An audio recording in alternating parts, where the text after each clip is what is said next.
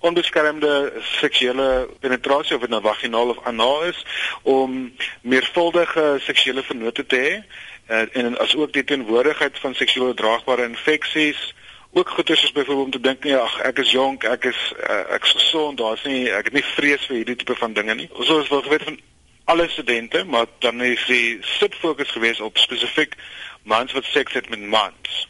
Hoekom die hoekom spesifiek die fokus Die fokus beseker dit ons dit word beskou in die HIV voorkomingsveld as 'n kwesbare bevolking as gevolg as gevolg van fisiologiese kwesbaarheid in terme van onbeskermde seks, veral anale seks, maar dan baie belangrik om as gevolg van die vrees en diskriminasie en die stigma wat uh, in die samelewing is, dat hierdie individue weggedryf word van uh, seksuele gesondheidsdienste af. Een van die bevindinge wat julle in die uh, verslag uiteensit is dat as 'n man met ander man seks het, beteken dit nie noodwendig hy dink aan homself as homo of biseksueel nie. Is dit ja. inligting wat uit die navorsing na vore gekom het, ehm um, waarvan julle nie voorheen bewus was nie? Ons is bewus van hierdie moontlikheid en dit is hoekom die fokus van die studie was rondom MSM. Dis 'n gedragsveranderlike nie identiteitsveranderlike nie.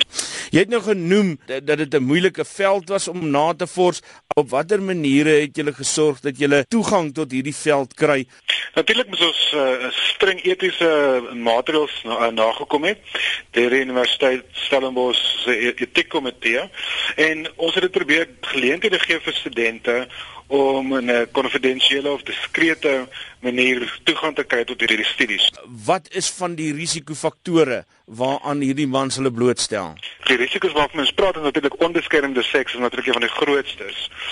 Ook hoeveel ehm um, seksuele maats jy het in 'n binne 3 tydperk, 3 maand tydperk periode want dit is as iemand HIV ehm um, positief geraak het onlangs en binne daai eerste 3 maande dalk onbeskermde seks met iemand het, is die kans op oordrag baie baie hoër. Wat is belangrik aan hierdie inligting uh vir universiteite?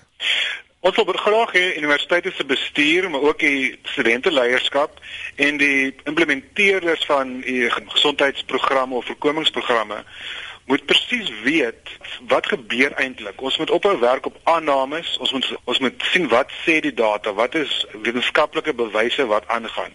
Ons moet verby hierdie aannames aannames kom en mites wat ons soms neem funksioneer.